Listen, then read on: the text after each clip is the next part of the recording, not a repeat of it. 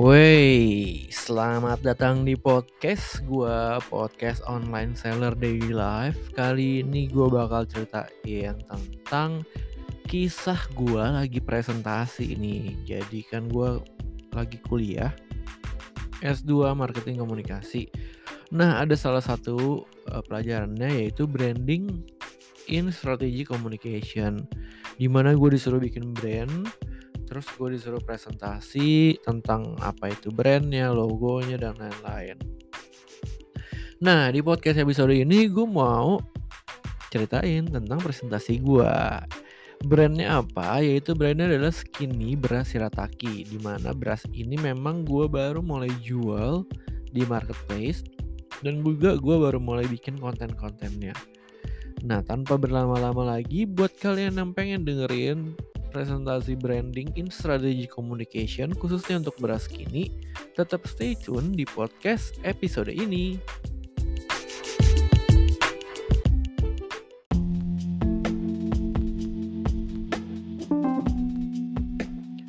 Oke, okay, pertama-tama gue akan menceritakan tentang branding dari Skinny. Jadi pertama itu adalah logonya dimulai dengan huruf Skinny yang logonya ramping. Jadi gue gue bikin logonya ramping Terus udah gitu gue bakal ceritain dulu nih tentang presentationnya nanti akan ada branding elemen, ada target market, ada media marketing strateginya, SWOT analysis dan brand strateginya. Terus di awal gue bakal ceritain nih kenapa sih gue uh, pilih brand ini.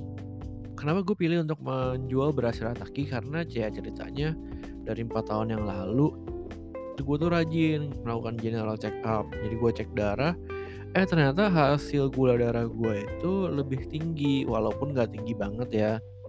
Rata-ratanya kan harusnya normalnya 100 di bawah 100 tapi gue tuh 120-an terus dokternya nyuruh gue olahraga terus dokternya nyuruh gue diet jangan makan nasi.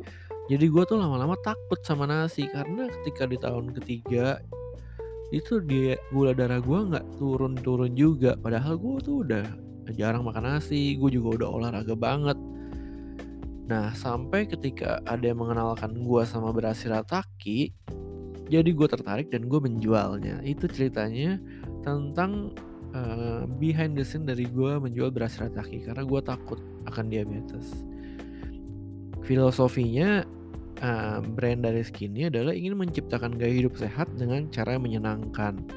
Nah, value jadi nilai yang diangkat dalam brand ini adalah mudah karena beras ini tuh sebenarnya cuma tinggal dikasih air panas terus tunggu 15 menit jadi.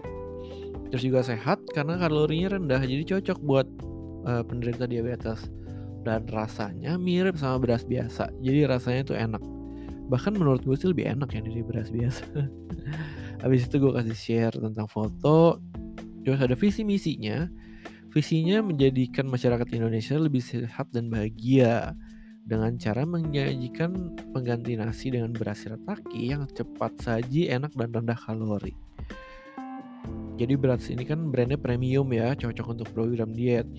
Dan uh, kesannya tuh kalau lo mau diet tuh ribet, terus mahal terus juga rasanya nggak enak. Tahun ini kesan yang pengen gue hindarin makanya gue menciptakan beras yang mudah yang nggak ribet dan rasanya juga enak. Gaya bahasanya juga menggunakan gaya bahasa sehari-hari. Dan juga uh, pesan yang ingin disampaikan diet itu yang seperti yang gue bilang tadi lo bisa sehat tapi nggak perlu khawatir dan rasanya juga enak. Warnanya tipografinya warnanya tuh agak kuning uh, packagingnya ya. Karena men menggambarkan ras apa yang sesuatu yang hangat gitu kuning dan merah. Terus juga ada tipografi logonya tuh kurus gitu. Jadi hurufnya tuh huruf huruf ramping. Ya ini ada gambarnya terus ada packagingnya juga. Jenis jenis packagingnya tuh yang bisa kelihatan dari luar. Jadi eh, jadi customer bisa tahu bentuk berasa seperti apa. Terus juga ada penjelasan tentang cara membuatnya, tagline-nya, terus photoshootnya gue tuh pakai model, modelnya juga yang kurus. Jadi untuk brand ini gue pakai model kurus supaya kelihatan kalau ini tuh beras diet, jadi beras untuk diabetik lah, suasana fotonya juga di dapur. Terus juga ada adegan nanti dia lagi makan. Nah di di marketplace jadi kalau untuk branding di marketplace itu semua gambar yang gue keluarin itu harus ada logonya. Supaya untuk menciptakan awareness dan juga supaya gambarnya nggak dicuri orang. Nama tokonya juga oke ada juga nama skinny. Deskripsi judul produk semua ada kata-kata skinny supaya brand awarenessnya tetap jalan. Terus juga untuk browsernya gue sederhana aja ada ada ada tiga produk yang empat ada empat jenis produk. Gue kasih gambarnya supaya orang bisa tahu nih oh produknya tuh ada apa aja. Terus juga ada tagline terus juga ada keunggulan-keunggulannya untuk browser ya. Brand image ya diet itu emang enak sehat dan mudah. Itu yang dari awal gue selalu gaungkan di semua pes semua pesannya setelah itu ada experience jadi brand experience itu ter terdiri dari atas empat sensori, efektif, behavioral, dan intelektual. Nah, ketika orang me melihat brand skinny dan mencobanya, dia itu dalam proses sensori. Pelanggan akan merasakan, jadi melakukan sensori. Jadi lewat panca indera dia, dia ngerasa, dia pegang kemasannya, dia lihat. Nah, ketika dia rasa udah enak, Lalu secara emosional dia akan tergugah nih. Wah enak ya. Terus udah gitu, wah uh, ada ada segi emosional juga ketika dia dengar konten tentang story gua tentang yang tadi diabetes tuh. Terus juga ada ada ada apa testimonial tentang orang-orang yang berhasil kurus menggunakan beras ini. Kemudian secara intelektual dia kan akan mengolah informasi-informasi tadi dia akan mendapatkan kalau beras ini kalorinya lebih rendah, terus cara membuatnya lebih gampang, sehingga dia akan mengubah behavioral dia, tingkah lakunya berubah dalam memasak beras. Jadi nggak perlu lagi pakai dandang rice cooker gitu ya, cukup tinggal tuang air panas dan berasnya jadi. Itu untuk brand experience. Kalau brand personality, eh, sebenarnya ada lima aspek yaitu excitement, sincerity, rudeness, kompeten, dan sophistication. Jadi excitement itu awal-awalnya nih ketika customer itu tahu nih akan beras kini, dia kan langsung, oh iya ada ya brand yang uh, bikinnya gampang gitu. Itu ceritanya kalau excitement. Sincerity itu kejujuran dari brand ini adalah gampang membuatnya terus rasanya juga enak dan berdampak positif bagi kesehatan konsumennya. Kalau rudeness itu lebih ke arah produknya apa, dia rendah kalori, dan berat badan. Jadi benar-benar apa yang kelihatan, kompetensinya beras ini itu menawarkan kemudahan dalam membuatnya rasa dan premium. Nah, sophistication tuh lebih ke arah keindahannya ya. Jadi kalau beras ini tuh kemasannya memang banyak. Jadi kamu mudah mau pilih kemasan berapapun ada, fotonya juga menarik positioningnya gue juga bahas pada presentasi itu di mana beras ini termasuk yang modern dan harganya mahal. Target marketnya lokasinya juga uh, di perkotaan. Masyarakat ekonomi hanya kelas atas yang bisa berbelanja karena memang harganya mahal banget sekiranya 200 ribuan. Perilakunya juga suka berbelanja online dia terbiasa dengan gadget mengikuti komunitas memiliki keinginan untuk hidup sehat secara psikologi ya dia mau diet kurus dia hidupnya juga serba cepat serba instan. Setelah itu gue ada posting gambar terus juga ada konsep video YouTube. Jadi gue bikin YouTube nih untuk beras ini.